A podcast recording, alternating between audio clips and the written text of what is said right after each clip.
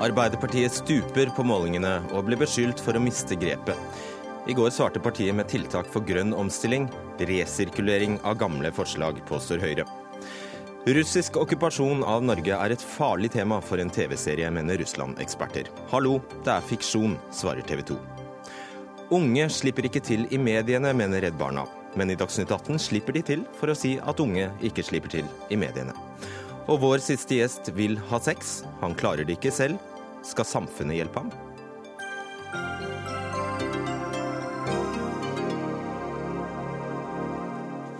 Ukas siste Dagsnytt 18 er med Fredrik Solvang som programleder. Ja, alle snakker om denne grønne omstillingen. Og av og til kan det til og med høres ut som noe artig vi alle skal i gang med. I går konkretiserte Arbeiderpartiet hva grønt skifte kan eller skal dreie seg om, og der finner vi disse godbitene under overskriftene 'Bruke kompetansen i utsatte sektorer' og 'Investeringer i framtidas arbeidsplasser'. 35 millioner til oppstart av Idélab, en generisk metode for å systematisere og sette i gang med omformingen til grønn og fornybar kunnskap. 500 millioner til et akseleratorprogram for tidligfasekapital. 20 millioner til to GCE-klynger for å videreutvikle våre fortrinn på områder hvor vi har naturgitte forutsetninger, kompetanse og ekspertise. Og sist, men ikke minst, 100 milliarder i fondet for klimateknologi, fornybar energi og energiomstilling. Ja, Vinner du ikke valget nå, så kan du vel bare være nestleder i Arbeiderpartiet, Hadia Tajik? Jeg hadde håpa Fredrik, at eh, du skulle starte med å gratulere oss med dagen. Fordi i dag, på dagen i dag så har Arbeiderpartiet 128-årsdag. Eh, og hele tiden, gjennom hele vår lange historie, så har arbeid til alle vært jobb nummer én. Og det er det tiltakspakken fra i går, som jo er tema for debatten i dag, eh, handler om. Den består av tre deler. Det ene er å ta på alvor den økende arbeidsledigheten. Det står nå 118 000 personer utenfor arbeidslivet. Det er personer som kan og vil jobbe, og vi må sørge for at de får muligheten til å kunne gjøre det. Da handler det bl.a. om flere tiltaksplasser. Det handler om, eh, om bedriftsintern opplæring. Det handler om å, å holde på deres kompetanse. Og det er den andre delen av pakken vår nemlig det å beholde den kompetansen som i dag finnes blant de eh, som blir arbeidsledige. Da handler det om flere fagskoleplasser, flere studieplasser. Vi må sørge for den kunnskapen som de har, at den ikke forvitrer, at vi kan bruke den i nye jobber som da òg vil komme. Og Den tredje delen av denne tiltakspakken det handler om å sørge for å bidra til grønn omstilling. Altså eh, å satse tungt på utvikling av ny klimavennlig teknologi, sånn som vi ser bl.a. noen eksempler på, på fra Hydro eh, på Karmøy eller Elkem i Salten. Og Svein Flåtten, næringspolitisk talsmann, eh, talsperson for eh, Høyre. Her har jo velgerne et ganske klart valg. Høyres skatteletter eller Arbeiderpartiets konkrete tiltak? Ja, Så enkelt er det vel ikke. Mitt inntrykk er jo at næringslivet har møtt denne såkalte pakken med et uh, gjesp, uh, egentlig. fordi at dette er uh, resirkulering av en del ting som var i budsjettet fra i fjor. Så er det en del nye ting. De er velmente, ikke noe galt med de, men de består også av en del ting som regjeringen allerede arbeider med. Og så kan jo doseringene være litt annerledes. Og Arbeiderpartiet har nok høyere doseringer fordi at og det er den ene innvendingen jeg har mot denne pakken. Deres finansiering det er at de man ønsker skal investere i de nye arbeidsplassene, de vil man først beskatte sterkere. Man vil altså sende skatteregningen for disse tiltakene til norsk næringsliv og til eierne der. Men i tillegg, og punkt to, så vil man også bestemme hvilke næringer som det skal satses penger på. Altså Først vil man kreve tilbake penger av de som skal investere. Er det, ikke det? Hva? det er vel derfor vi har politikere? er det ikke det? Til å bestemme hva vi skal investere ja. Nei, til det har vi næringslivet. Og til det har vi eierne. Og det er de som må se hva som blir lønnsomt, hva som blir fremtiden. Altså, Jeg har ingen forutsetninger til å si hva som blir fremtiden og hva man skal investere i. Det har ingen politikere. Det kan vi bare gjette på. Må, vi må skape gode rammebetingelser gjennom samferdsel, gjennom utdanning og gjennom skattelettelser, sånn at næringslivet blir i stand til å investere. Det resonnementet er fullstendig fraværende hos Arbeiderpartiet. Og la meg også legge til at selvsagt er jeg glad for at man er 128 år gammel, og jeg benytter sjansen til å gratulere. Men uh, det vitner veldig om alder, det som er kommet. Tajik, det er vel en kjensgjerning at dere tar noen av pengene fra skattelettene? Altså, nå starter jo Svein Flåtten med å si at eh, næringslivet sjøl tar dette imot med et gjesp. Men sannheten er jo at både Norsk Industri og Maritimt Forum f.eks. mener jo at eh, pakken vår inneholder gode tiltak som treffer det behovet som finnes der ute i dag. Eh, så sier Flåtten at forskjellen på de og, altså på Høyre og Arbeiderpartiet er at vi har høye doseringer av pengebruk, mens de har noe mindre. Vel, Delvis er det jo sant, men det handler jo om at de bruker eh, de store pengene på å kutte i skattene. Vi bruker de store pengene nettopp på å stimulere næringslivet. Eh, stimulere altså, òg til økt forskning. Stimulere til grønn vekst, til grønn omstilling, og til at man får overført den kompetansen som i dag finnes innenfor petroleumsnæringen, at man òg får bruke den til vekst innenfor andre næringer. Nå har jo de valgt å kutte i skattene på et felt som heller ikke virker. Det, okay. det, de kan jo f.eks. se på den rapporten som Siv Jensen fikk for veldig kort tid siden fra Menon, som jo peker på nettopp det. At eh, det å redusere selskapsskatten f.eks. er åtte ganger mer treffsikkert enn det å kutte i formuesskatten. La oss forsøke å ikke vikle oss inn i denne debatten. Selskapsskatten, ja. De kutter i formuesskatten. De bruker altså da skattekutt som ikke virker, i stedet for en aktiv næringspolitikk, sånn som vi gjør. Ja. Nei, Det dere har er en aktivistisk næringspolitikk hvor dere vil plukke ut vinnerne. For at du greier ikke forklare meg mangelen på resonnementet ditt. Altså Hvis du vil at norsk næringsliv skal investere, så må du sørge for at de blir i stand til å investere. Og det er ikke noe feil med disse tiltakene som har kommet. De er sikkert gjennomførbare, mange av de. La meg bare ta som eksempel akseleratorprogrammet som dere har kommet med. Det er på 500 millioner kroner. 250 millioner skal inn fra næringslivet. Da utløser det statlige penger. Men først skal man beskatte de menneskene som man ønsker disse pengene fra. Og det er et paradoks at man man ser det på den måten. Jeg tror at, jeg er helt sikker på at generelle rammebetingelser, god utdanning, næringsrettet forskning, ikke minst satsing på samferdsel, så hvor vi har hatt skyhøye budsjetter nå de siste to årene, sammen med vekstfremmende skattelettelser, det vil gi løsninger også i fremtiden. Og så må vi lande... Ja, da må jeg bare spørre deg, Du har jo ikke all verdens tid. Arbeidsledigheten er på 122 000, og når du 150 000, så har du satt en dyster rekord. Ja, men eh, vi har helt spesielle omstendigheter. Vi har en petroleumsnæring som eh, har gått ned ganske betydelig pga. Eh, endringen i oljeprisene. Det kunne ingen vite eller forutse. Men jeg vil understreke at vi veldig lenge har pekt på det høye norske kostnadsnivået, den manglende konkurransekraften, at man burde belaget seg på omstilling tidligere skal ikke kritisere Arbeiderpartiet altfor mye, men jeg syns man var ganske godt bakpå mens man levde litt i sus og dus under gode oljepriser. Så eh, Svein Flåtten må gjerne snakke om eh, de siste åtte årene. Jeg er nå stolt over at vi hadde høy satsing på forskning. Det var en realvekst på om 13-30% bare på den sektoren, hvis vi tar det som et eksempel. Men det som er hovedproblemet med det som Svein Flåtten og Høyre her sier, er at det viser jo nettopp kjernen i svakheten ved Høyre og Fremskrittspartiet sin politikk. Det skjer lite, de forstår ikke alvoret i situasjonen, og de handler her heller ikke deretter. Og når Flåtten kommer med sine karakteristikker av vår pakke for økt verdiskaping, flere arbeidsplasser og en, eh, en, en framtid som retter seg inn mot eh, vekst innenfor flere næringer, så må jeg jo bare si at fagfolkene er jo uenige med han. Altså Når eh, Flåtten trekker fram formuesskatten og skattleggingen som det fremste virkemidlet, så viser jo den rapporten de sjøl har bestilt og fått på sitt eget bord, at det er ikke det mest treffsikre virkemidlet eller det sterkeste behovet akkurat nå. Og Norsk Industri som sagt, og Maritimt Forum er dønn uenig i den karakteristikken som Svein Flåtten og Høyre her sier. Om skatt, så er jo denne Menon-rapporten aldeles utmerket.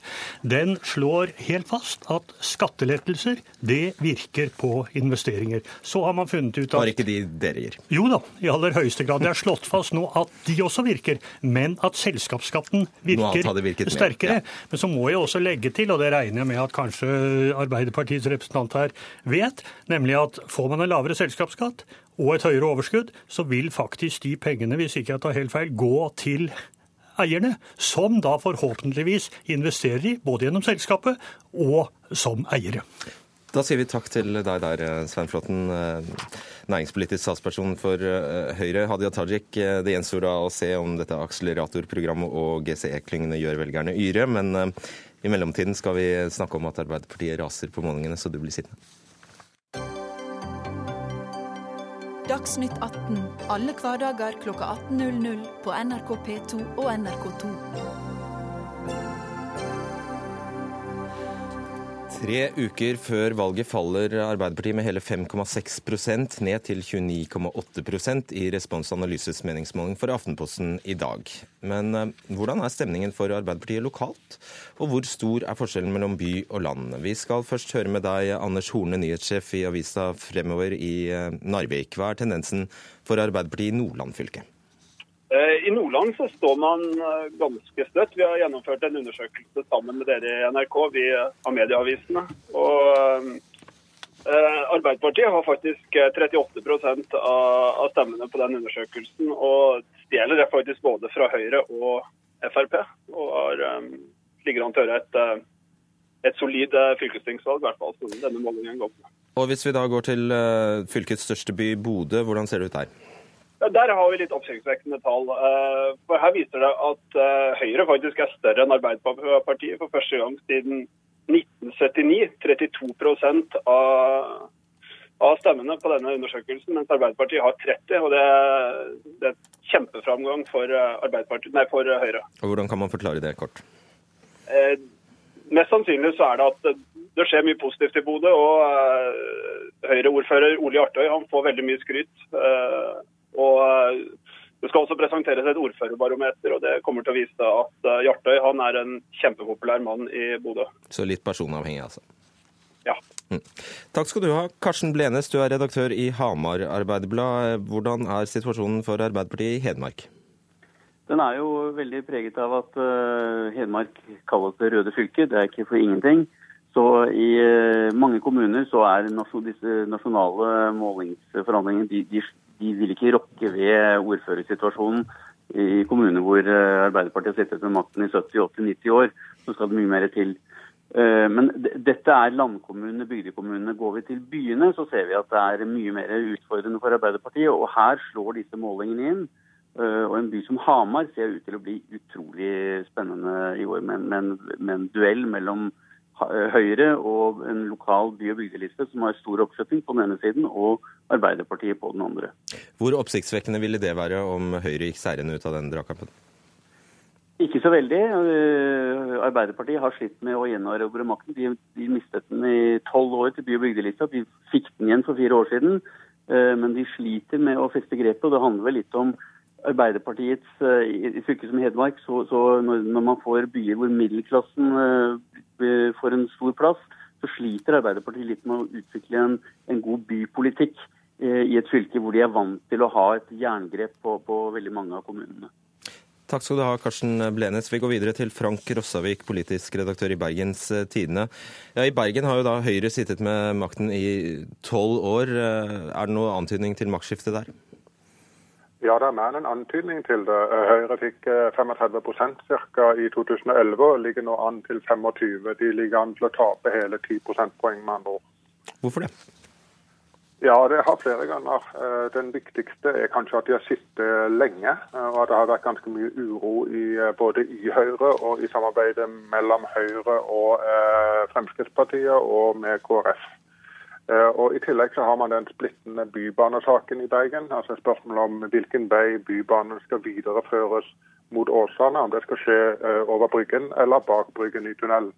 Eh, og Den har virka splittende på det borgerlige samarbeidet. Så er din analyse at velgerne ikke nødvendigvis tar bølgen for Arbeiderpartiets politikk? Ja, jeg tror nok at uh, Arbeiderpartiet i Bergen har noe glede av at Høyre uh, slarker og slurer. Uh, og de har noe glede av Arbeiderpartiets opptur nasjonalt. Litt har de kanskje klart selv også. men Arbeiderpartiet ligger an til å gjøre et godt valg i Bergen. Ca. 5% opp alt i alt. Sammenlignet med 2011, fra ca. 28 til ca. 33. Og det ligger an til skifte? Ja. Takk skal du ha. Ja, Nei, ja, ja. nei det, det, er ikke sikkert. Altså, det er ikke sikkert at det ligger an til skifte, fordi det er ganske kompliserte uh, kabaler som må legges i, uh, i, uh, i, forhandlingene mellom partiene etter valget. Det er en annen historie. Det får vi ta en annen gang. Vi tar det en annen gang, vi. Takk skal du ha, Frank Rossavik. Jon Arne Moen, du er politisk redaktør i Trønderavisa. Ja. har dere noen indikasjoner på at valgkampen så langt har gitt noen store utslag på målingene deres? Ja, vi har i dag fått inn eh, målinger fra de, alle de store kommunene i, i Nord-Trøndelag, altså de fem bykommunene. de indikerer ganske kraftig framgang for Arbeiderpartiet. Vi ser der at det er, det er to partier som utmerker seg med framgang. Det ene er Senterpartiet, det andre er Arbeiderpartiet. Så her er det litt motsatt av Hedmark, muligens. Det er iallfall tydelig at Arbeiderpartiet gjør det godt i bykommunene. Hva er det dere driver med der? Nei, du vet, Nord-Trøndelag er Det er to ting som preger Nord-Trøndelag i stor grad. Det ene er primærnæringa. Det er et av landets viktigste landbruksdistrikt med mye matproduksjon. Og der slår antageligvis regjeringas landbrukspolitikk negativt inn. Det tjener sannsynligvis både Senterpartiet og Arbeiderpartiet på. Og det andre er at vi er et fylke med mye offentlig sektor. Og det tjener tradisjonelt sett Arbeiderpartiet på. Og vi ser nå at mange ordførere klager over dårligere budsjett, og da rammer det den sittende regjeringa. Men da er det altså nasjonalpolitikken som egentlig avgjør det lokalpolitiske valget? Det er nok helt sikkert Eller det vet vi at det er ulike forskjeller fra kommune til kommune. Arbeiderpartiet har noen veldig populære ordførere også i de store kommunene. En av dem kan antageligvis kan komme til å få mot 50% av stemmene. Men snakker du om det? Da snakker vi om Verdal og Bjørn Iversen.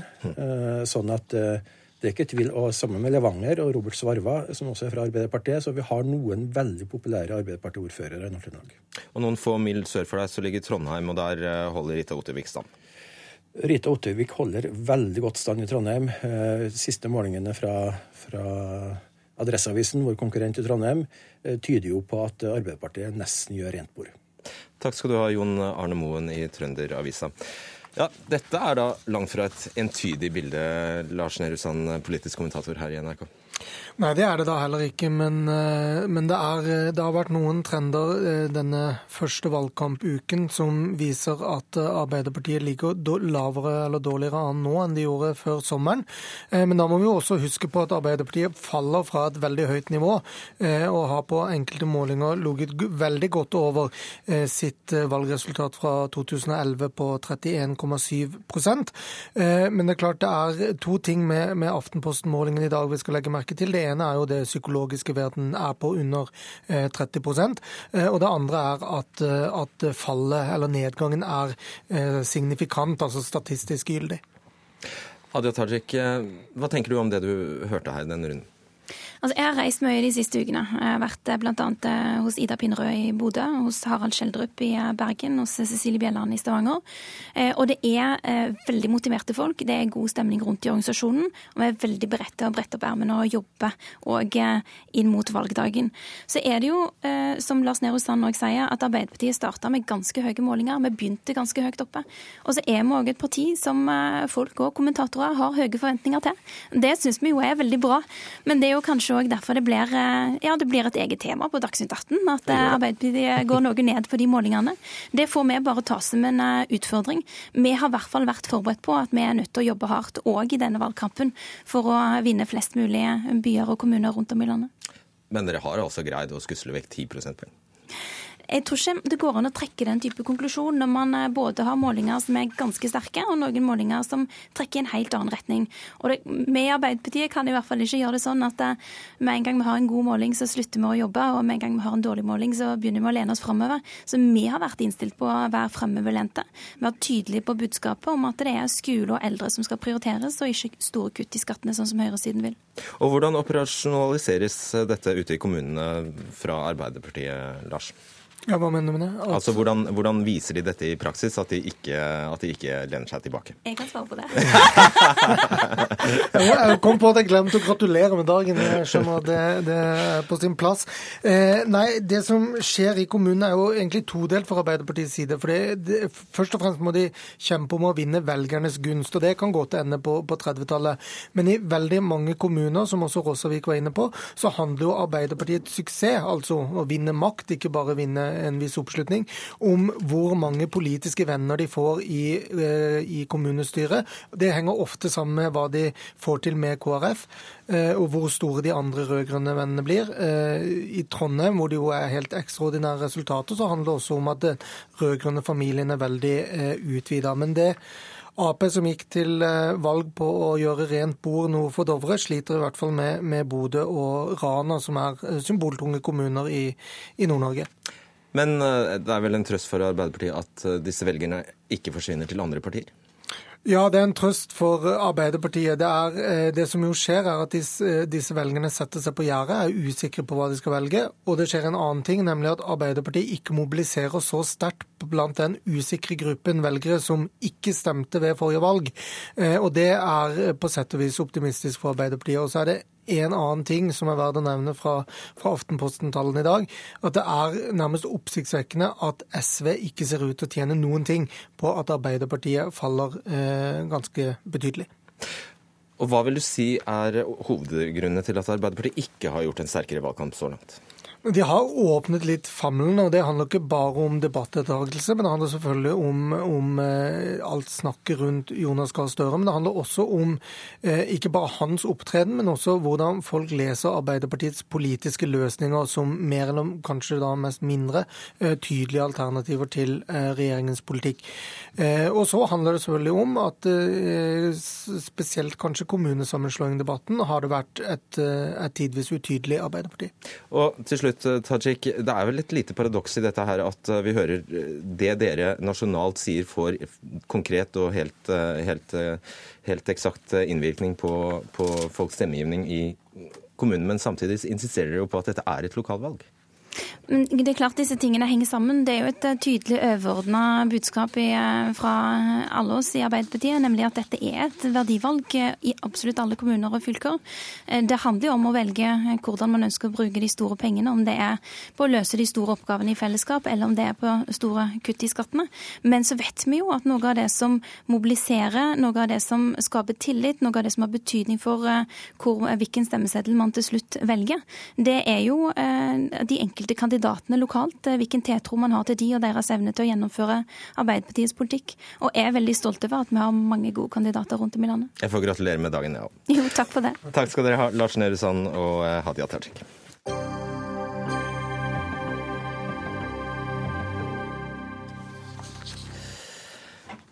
Norge er okkupert av Russland på oppdrag av EU.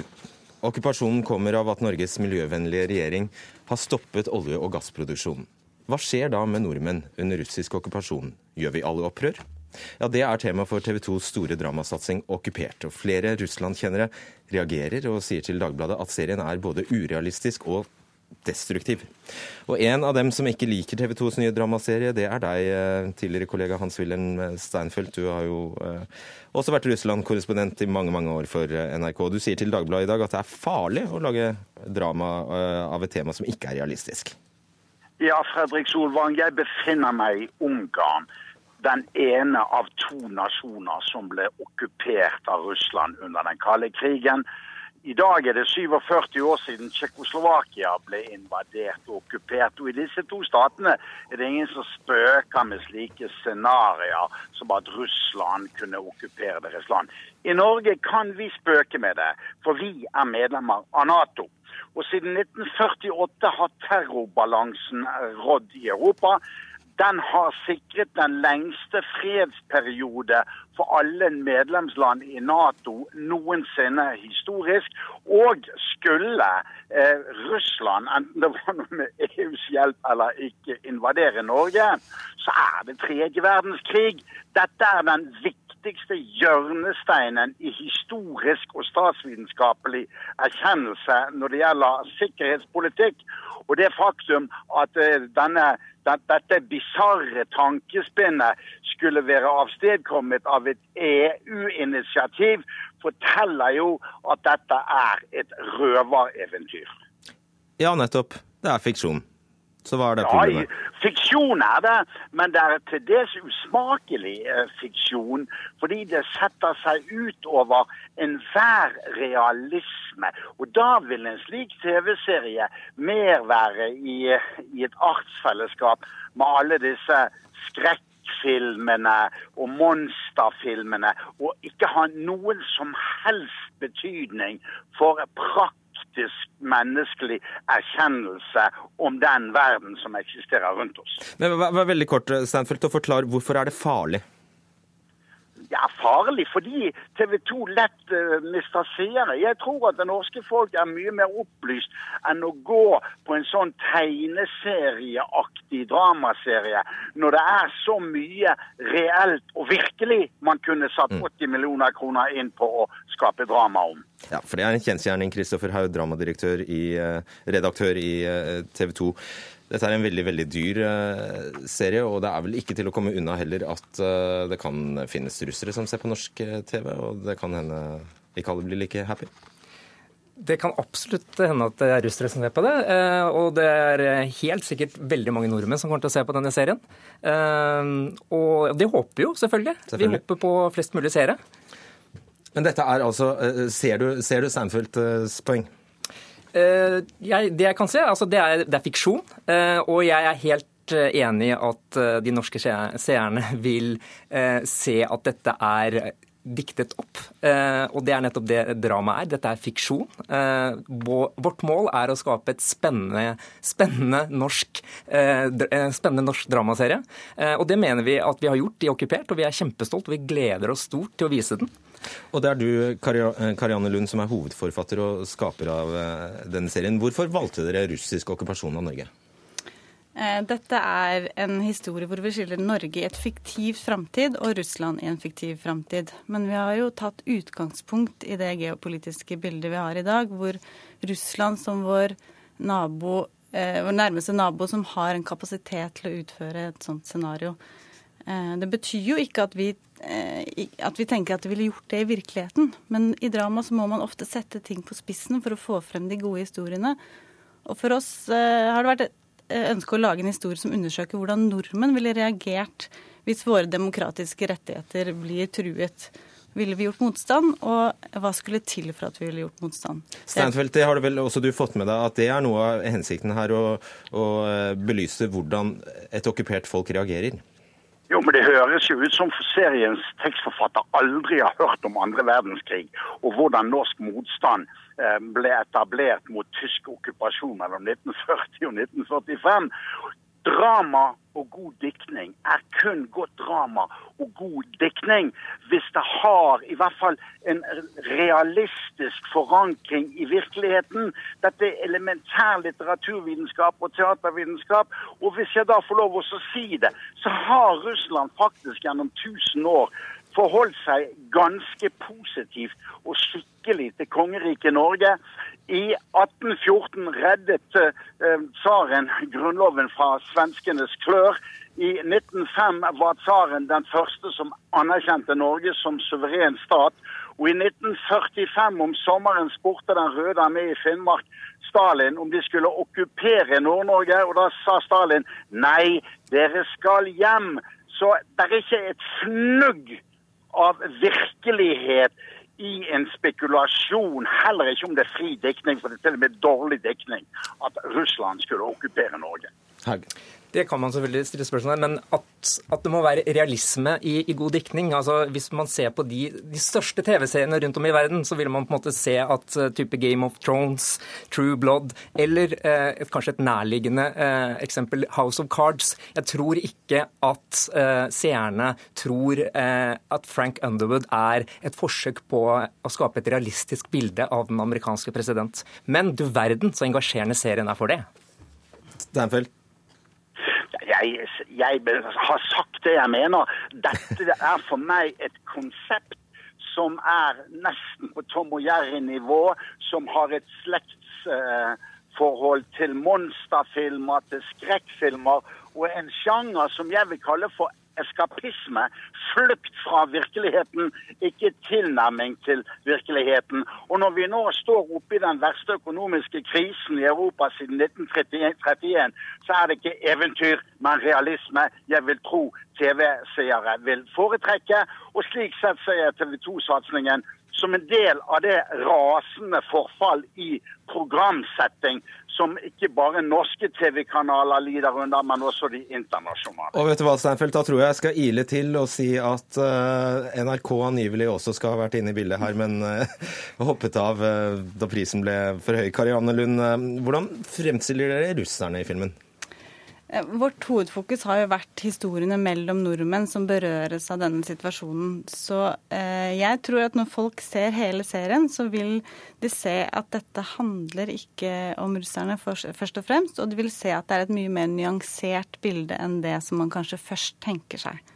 Men så sier du at dere har eh, lagt noe av eh, handlingen til en virkelig til, til, Altså dere har f.eks. tatt opp i eh, Krim-anneksjonen eh, i serien. Eller det er et bakteppe, stemmer det?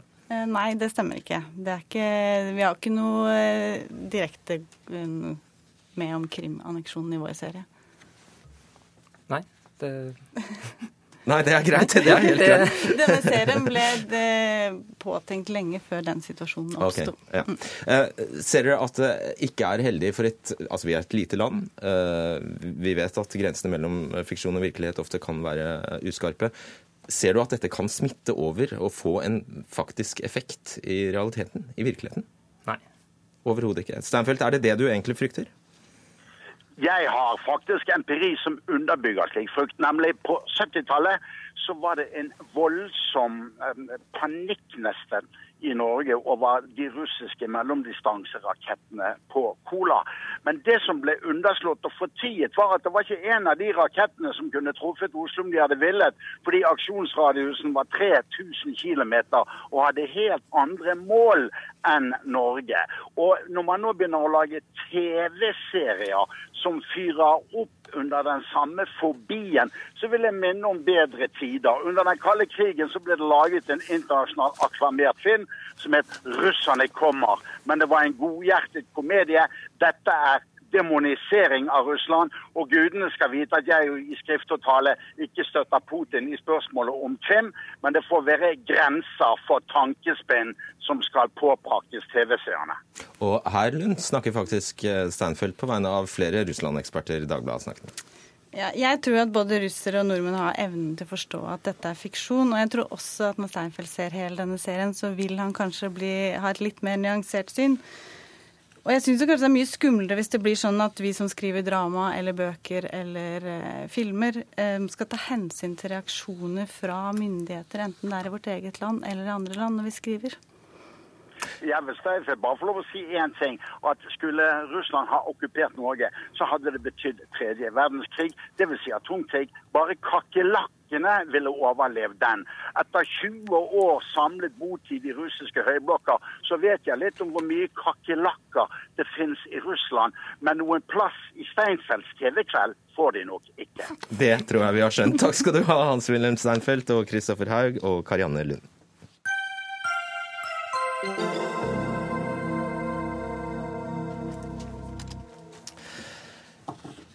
Nå skal vi slippe til de unge, for at de skal få si at de unge ikke slipper til i media.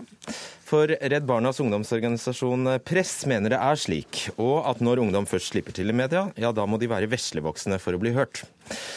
Karoline Steen Nylander, du er leder i Press og har vært med på å skrive en, skrive en kronikk i Dagbladet hvor det også står at debatten foregår på de voksnes premisser. Hva mener du med det? Mm. Eh, jeg mener det at eh, terskelen er veldig høy for å slippe til som ung i dag. Eh, det finnes veldig mange arenaer hvor barn og unge slipper til, men de her blir ekskludert fra resten av samfunnsdebatten. Det finnes f.eks. sider som Side i Aftenposten, hvor man setter en merkelapp på det som en ungdomsarena. Men samtidig så er det veldig vanskelig å delta i samfunnsdebatten på like premisser som med voksne. Hvordan vet du det? Jeg vet det av egen erfaring, og jeg vet det av at man ser det på forskning, at eh, ungdom deltar i veldig liten grad i, i, voksne debatter. Uh, og da er jo spørsmålet Martine Aurdal, debattansvarlig i Dagbladet, deltar de i, i så liten grad fordi dere stenger dem ute? Vi setter i hvert fall på trykk en langt større andel av de tenåringene som sender inn innlegg til oss, enn av de voksne. Eh, men det er langt færre tenåringer som sender inn innlegg. Eh, og grunnene til det kan jo være mange. Jeg skal ikke eh, hoppe ut noen konklusjoner på akkurat det, men vi ønsker å ha dem i spaltene. Derfor så setter vi på som sagt en høyere andel av, av de tenåringene som skriver inn. Men du mener Nylander har et poeng? Ja, jeg syns det er uh, interessante problemstillinger. Det er jo derfor vi har publisert denne kronikken også. Uh, jeg syns uh, de som vi setter på trykk, da, svært ofte har veldig verdifulle innspill eh, til debatten. Eh, både når det handler om deres egen hverdag, hvor vi ellers generaliserer om ungdom, men også når de mener eh, om andre samfunnsspørsmål. Eh, så vi ønsker jo å ha også de unge stemmene til stede. Mm. Arnulf Kolstad, du er professor i sosialpsykologi ved NTNU og har tidligere uttalt at dagens ungdom bryr seg mer om CV-en sin og om å gjøre karriere enn om å bidra i demokratiet. Tror du rett og slett at dagens ungdom er mindre engasjert enn ungdom før dem? De er mindre engasjert i ting utenfor dem selv, men mer engasjert i seg selv. Og Grunnen til at jeg reagerte, var at eh, de unge ville ha personlig fordel av å engasjere seg politisk, i dette tilfellet gjennom å delta i kommunevalget, og få det på eh, CV-en sin. Hva er det du sikter til nå helt konkret, da? Det var at det kom et forslag fra en ungdomsgruppe på en skole som hadde vunnet en konkurranse. Og der hadde de foreslått at det å stemme ved et valg skulle kunne gi uttelling på CV-en. Og det reagerte jeg på, for jeg, jeg syns ikke det å engasjere seg i politiske spørsmål bør eh, først og fremst være spørsmål om man kan tjene på det privat. Og i det generelt syns jeg at uh, ungdom er så opptatt av uh, egen CV på en helt annen måte enn jeg syns vi var tidligere. Bare for å klargjøre det. Har du forskning som belegger dette, eller er det, synser du nå? Nei, jeg har registrert det gjennom å være 25 år på universitetet og sett utviklingen der. Og dette er en utvikling som eh, universitetene også er med på å styrke, fordi de eh, arrangerer karrieredager og inviterer næringslivet for å fortelle hva de unge bør kunne for å få jobb etterpå.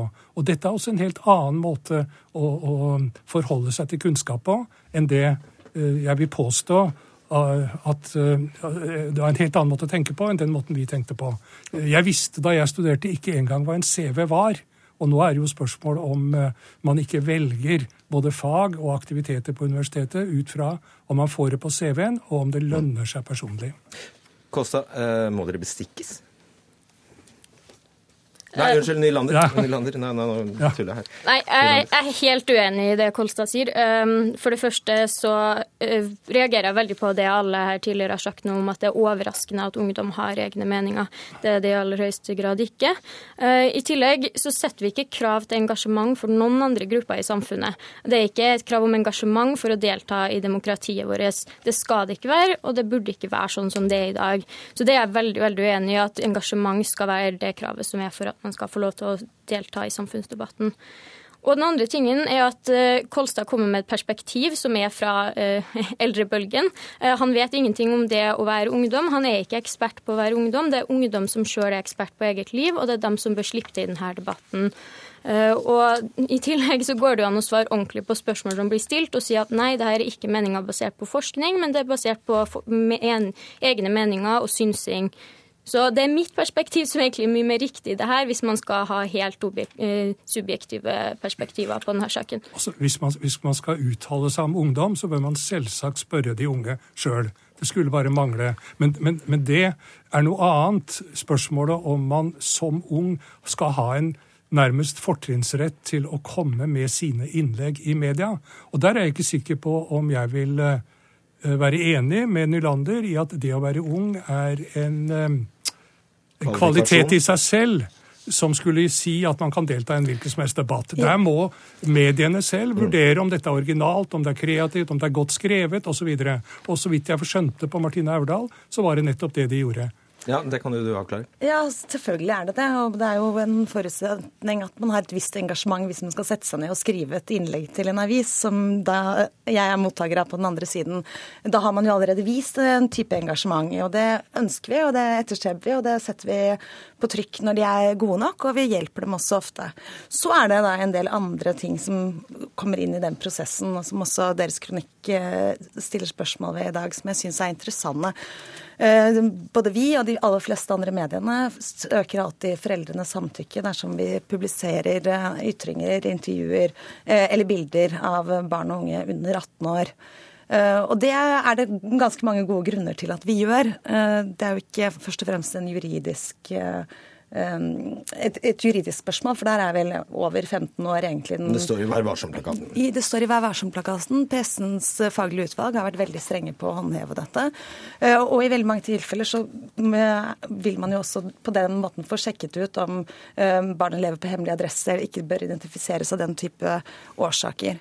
Og så er det eh, i tillegg slik at når vi skal publisere unge, så tar vi en ekstra runde både med dem og med foreldrene på hva slags påkjenning det kan være å stå i den offentlige debatten, som er en påkjenning som man bør være rusta for. Ja, og Daniel Lander, da sier, da sier, du at alle disse, alle, alle disse tiltakene som egentlig skal beskytte barn og unge, de fungerer mer som stengsler? Mm. Selv om man har Vær varsom-plakaten, så har man også eh, barnekonvensjonen, FNs barnekonvensjon, som er inkorporert i norsk eh, lov.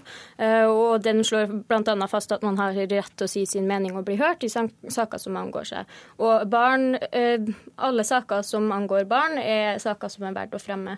Så jeg mener også at, at vi burde ta hensyn til barnekonvensjonen.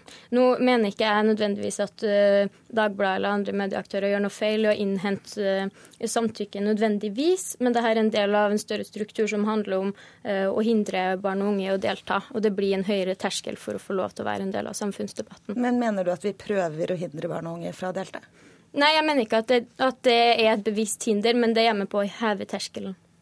Eh, til slutt, eh, Kossa.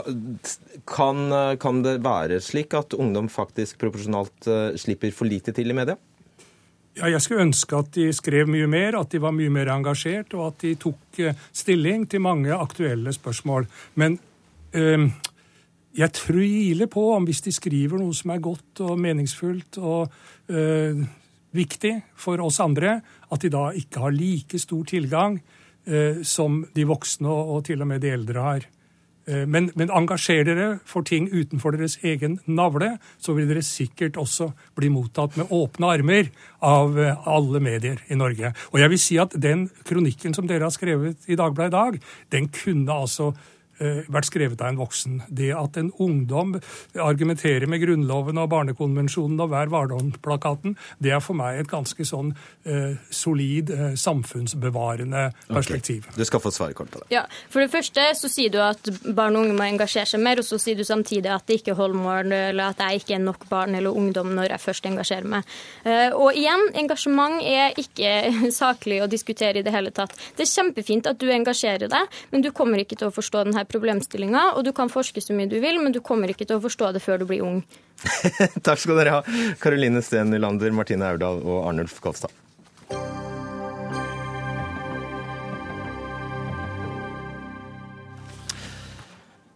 Utlendingsnemnda tolker regelverket for asyl til asylbarna for strengt, mener Norsk organisasjon for asylsøkere NOAS. Stortinget fikk jo på plass nye regler etter avsløringen i vinter om rekordmange utsendinger av lengeværende asylbarn.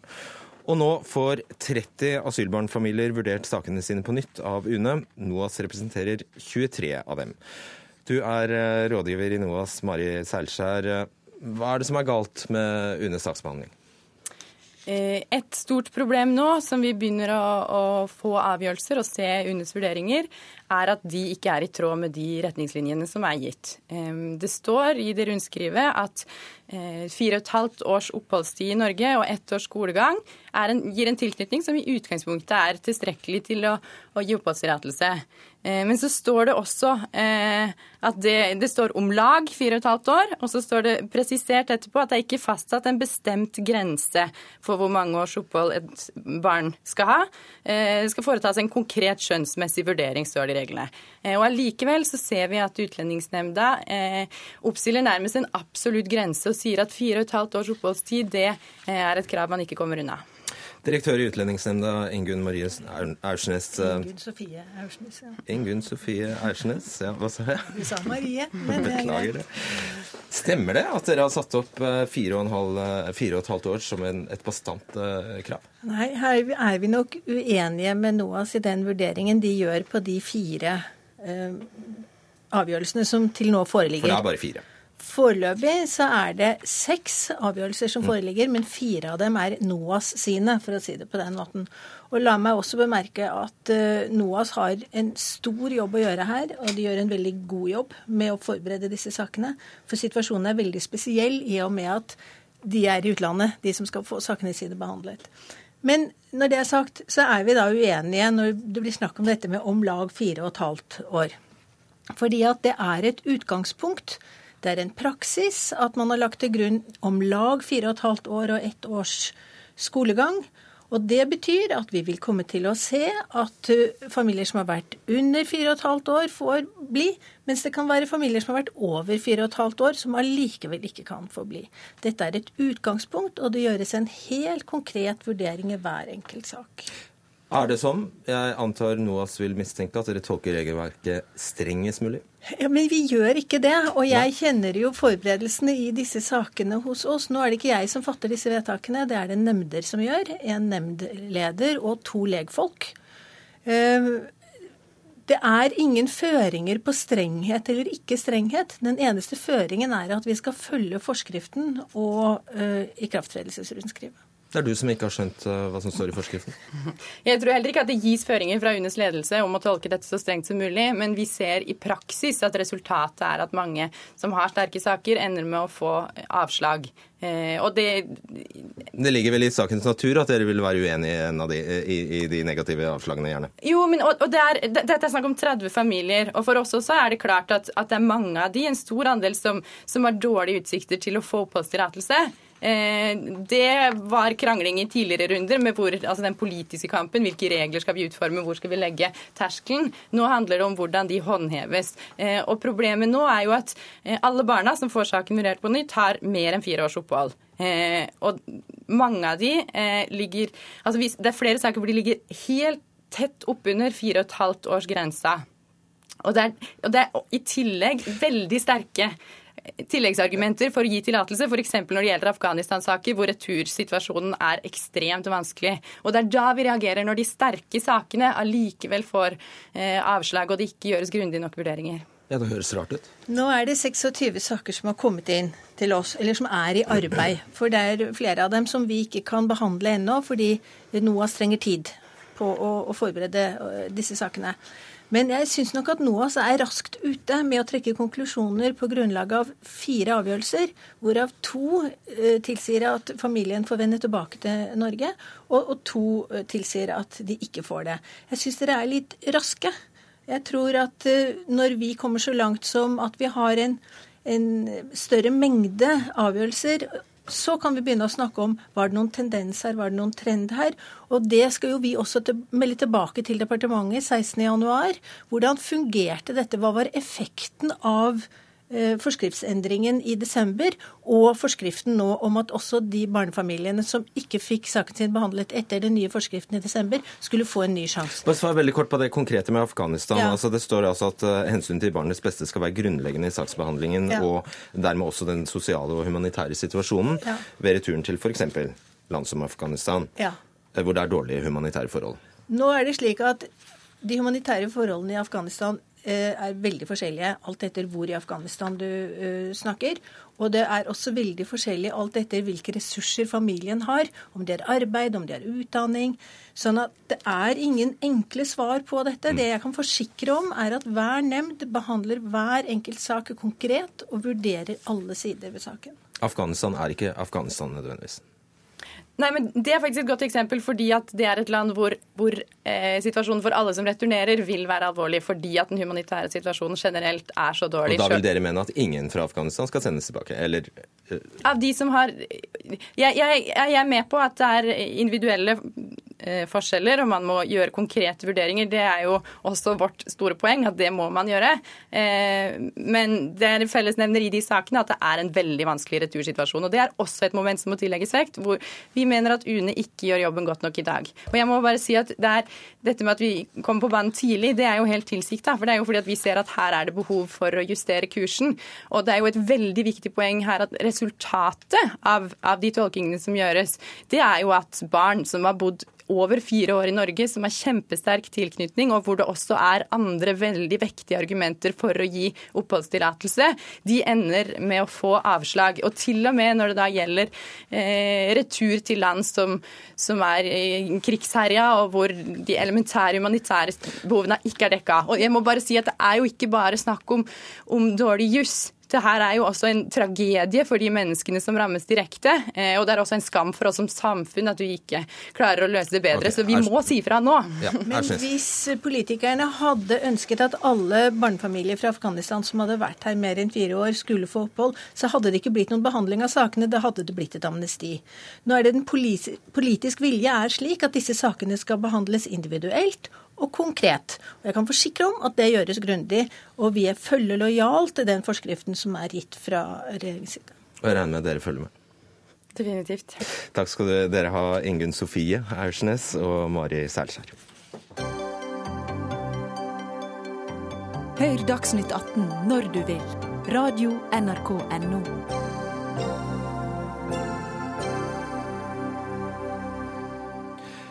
Ola Skrøder Røiseth sitter i rullestol og kan ikke røre en muskel. Han vil ha sex, men klarer det ikke selv.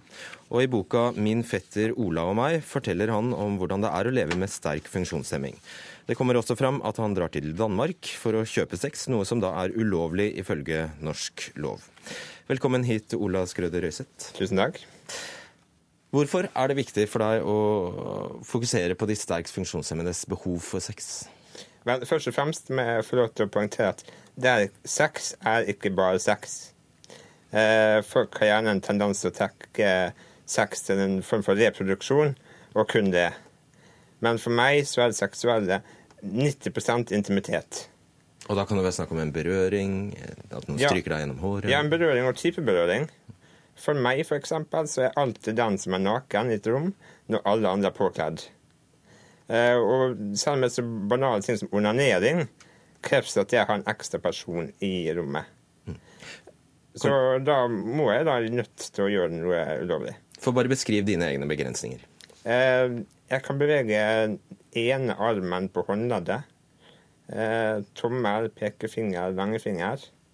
Litt bevegelse i håndledd. All muskulatur er vel redusert med ca. 94 jeg klarer ikke å svelge mitt eget spytt. Men jeg kan tenke, og jeg kan føle. Hva, hva, er, hva heter sykdommen din? Den heter for spinal muskelatrofi. Og den blir verre? Den blir nok dessverre det. Ja. Det er en progredierende diagnose. Men så er det altså Kan du, kan du forklare, forklare Har du hatt sex eh, på eh, frivillig basis? For, for, for, ja, alle, all mine eh, seks har vært på frivillig basis. Eh, men den har vært eh, utenlands. Mm. For du har altså reist i Danmark ja. og kjøpt sex? Det har jeg. Hvorfor det? Eh, først og fremst eh, fordi at i Danmark så har du eh, da et system for det. Eh, eksempel, jeg kan ringe til et byrå, jeg kan si min diagnose. Jeg kan si min alder, jeg kan si f.eks. at jeg er beinskjør. Og med ett så har de da noen som har erfaring med en slik type diagnose. Og jeg går fra å være en abnormalitet til å bli en normalitet. Og for meg så er det en ekstrem følelse, en hva skal jeg si, en menneskeliggjøring, da. Eh, som jeg opplever når jeg er der. Og den store store forskjellen her mellom Norge og Danmark er altså at Danmark ikke holder seg med en sexkjøpslov som også gjelder i utlandet. Ja. Og Derfor eh, henvender jeg meg til deg, Arne Lein. Du er leder av Norges Handikapforbund eh, og forsvarer sexkjøpsloven? Ja, vi forsvarer sexkjøpsloven. Selv om den medfører at altså, Røiseth ikke får, får praktisert sin menneskerett, nemlig retten til et seksualliv? Ja, rett og slett fordi det er flere forhold. Det ene er at funksjonshemmede har de akkurat de samme rettigheter som alle andre, må forholde seg til de samme lovene som vi har i Norge. Uh, dertil så tror jeg det vil være svært vanskelig å operasjonalisere hvem er det som vil falle inn under et eventuelt unntak i sexkjøpsloven, hvordan det skulle praktiseres. Fordi funksjonshemming, funksjonsnedsettelse, det er ikke noe homogent begrep. Det er svært heterogent. Det er svært forskjellig fra person til person. Ja, Men dere kunne jo ha inntatt en holdning der dere var imot hele loven? Ja, det kunne vi ha gjort, men da loven ble vedtatt i 2009, om jeg nå husker riktig, så var det ikke noe diskusjon i organisasjonen eller noe krav i organisasjonen fra medlemmene på at dette skulle gjøres noe med. Og det syns du er et problem? Altså det for, Først og fremst så finnes det et alternativ her. Eh, USA, blant annet, der er jo eh, salg og kjøp av seksuelle tjenester ulovlig i de fleste stater. Men en har klart å finne en løsning fordi en har innsett at å nekte et menneske å utøve sin egen seksualitet over lengre tid vil ha såpass store konsekvenser. Derfor har de noe som heter for seksualsurrogati, som du kan få faktisk eh, via en psykolog. Eh, og det er et alternativ som jeg mener at Norges Handikapforbund absolutt burde ha sett på. Ja, men hva, hva, går det ut på? Det går ut på at eh, problematikken som ble nevnt her, det er jo at en vil ha problemer med begrepet funksjonshemming. Fordi at eh, du har såpass ulike grader innenfor. Men f.eks. hvis du hadde hatt en ordning der du kunne gå til en psykolog eller til en fastlege for den saks skyld og si at jeg klarer ikke å få seksuell tilfredsstillelse på egen hånd, enten via onani eller noe annet, så kunne du sagt greit, og henvist til en eh, seksualsurrogat. Hva er det? Eh, det er en person som har en faglig utdanning. Det er en høyskoleutdanning i statene. Eh, hvor du da får eh, opplæring i f.eks. berøringsmetode i eh, å få folk til å bli trygge på sin egen intimitet. For det er jo ikke til å fornekte at dersom du hele tiden er vant til å være den eneste som er naken i et rom med fullt påkledde mennesker, så vil du få en problem med intime relasjoner. Kunne det vært en idé? Det er kanskje en idé. Og så har jeg lyst til å presisere at det finnes seksualtekniske hjelpemidler. Eh, og det som er boka til Ola, er en veldig flott bok. Og det er veldig bra at han reiser problemstillingen, fordi det er med på å ta vekk noen fordommer og tabuer. Eh, og hvor det går an å kanskje få diskutert dette på en skikkelig måte. Eh, samtidig som det er en underforbruk av seksualtekniske hjelpemidler. Uh, og hvor en også i målgruppen må være mye mer klar over hvilke hjelpemidler er det som faktisk eksisterer. Kan du gjøre deg nytte av slike hjelpemidler? Nei, og problematikken er nettopp det at for å kunne bruke slike hjelpemidler, så er du avhengig eller. I hvert fall jeg er avhengig av noen som kan hjelpe meg med å bruke dem. Og da har du faktisk kommet like langt. For i det som du er avhengig av noen som kan hjelpe deg med det, så er det ulovlig. Funker ikke. Ja, hvis ikke, og det tror jeg er en stor utfordring, hvordan helsepersonell kan hjelpe til ikke å utføre de seksuelle handlingene, men å legge til rette for at den kan tilfredsstille seg selv seksuelt. Har du spurt om det? Jeg har, jeg har ikke spurt om det. Jeg har vært på eh, jeg vært, når jeg var 16, så dro jeg til eh, helsesøster for å få medisin. For jeg hadde lyst på medisin som fjernet all seksualist. For jeg klarte ikke å tilfredsstille meg selv på en normal måte. Eh, og det tror jeg det spørsmålet hadde hun aldri fått før, eh, og visste ikke hva hun skulle svare. Og det var egentlig det som gjorde at jeg gikk med på å fortelle om dette i boken. da. Eh, jeg har i etterkant fått en rekke forespørsler fra folk som spør meg hvordan gjør du det, eh, hvordan er det i Danmark, osv. Og, og når en 14-15-16 spør meg hva jeg da skal svare, det bruker opp til meg å vurdere, mener jeg. Og du har tatt høyde for at du kan bli anmeldt nå? Det har jeg. Hva tenker du om det? det? Jeg har brutt norsk lov, og jeg bør bli straffet norsk lov på lik linje med alle andre. Noe annet vil være diskriminering. Vil du anmelde han? Nei, jeg vil ikke anmelde han. Det fordi man Det er jo for loven? Ja, det er brudd på loven. Og så er det noe med at man øh, ikke, jeg, Det er ikke min jobb å anmelde slike forhold. Jeg tror det er viktig at man får tilgang på seksuelle tjenester, men man må finne riktig måte å gjøre det på. Eh, og da er seksualtekniske hjelpemidler etc. en vei å gå. Muligens, som Ola også er inne på, at det her finnes noen andre veier. Men vi må ha en god diskusjon på det. Og helt kort til slutt, hva vil du med boka? Jeg har lyst til å opplyse folk eh, om hvordan livet egentlig er for eh, en med sterk funksjonshemming. Det er ingen solskinnshistorie.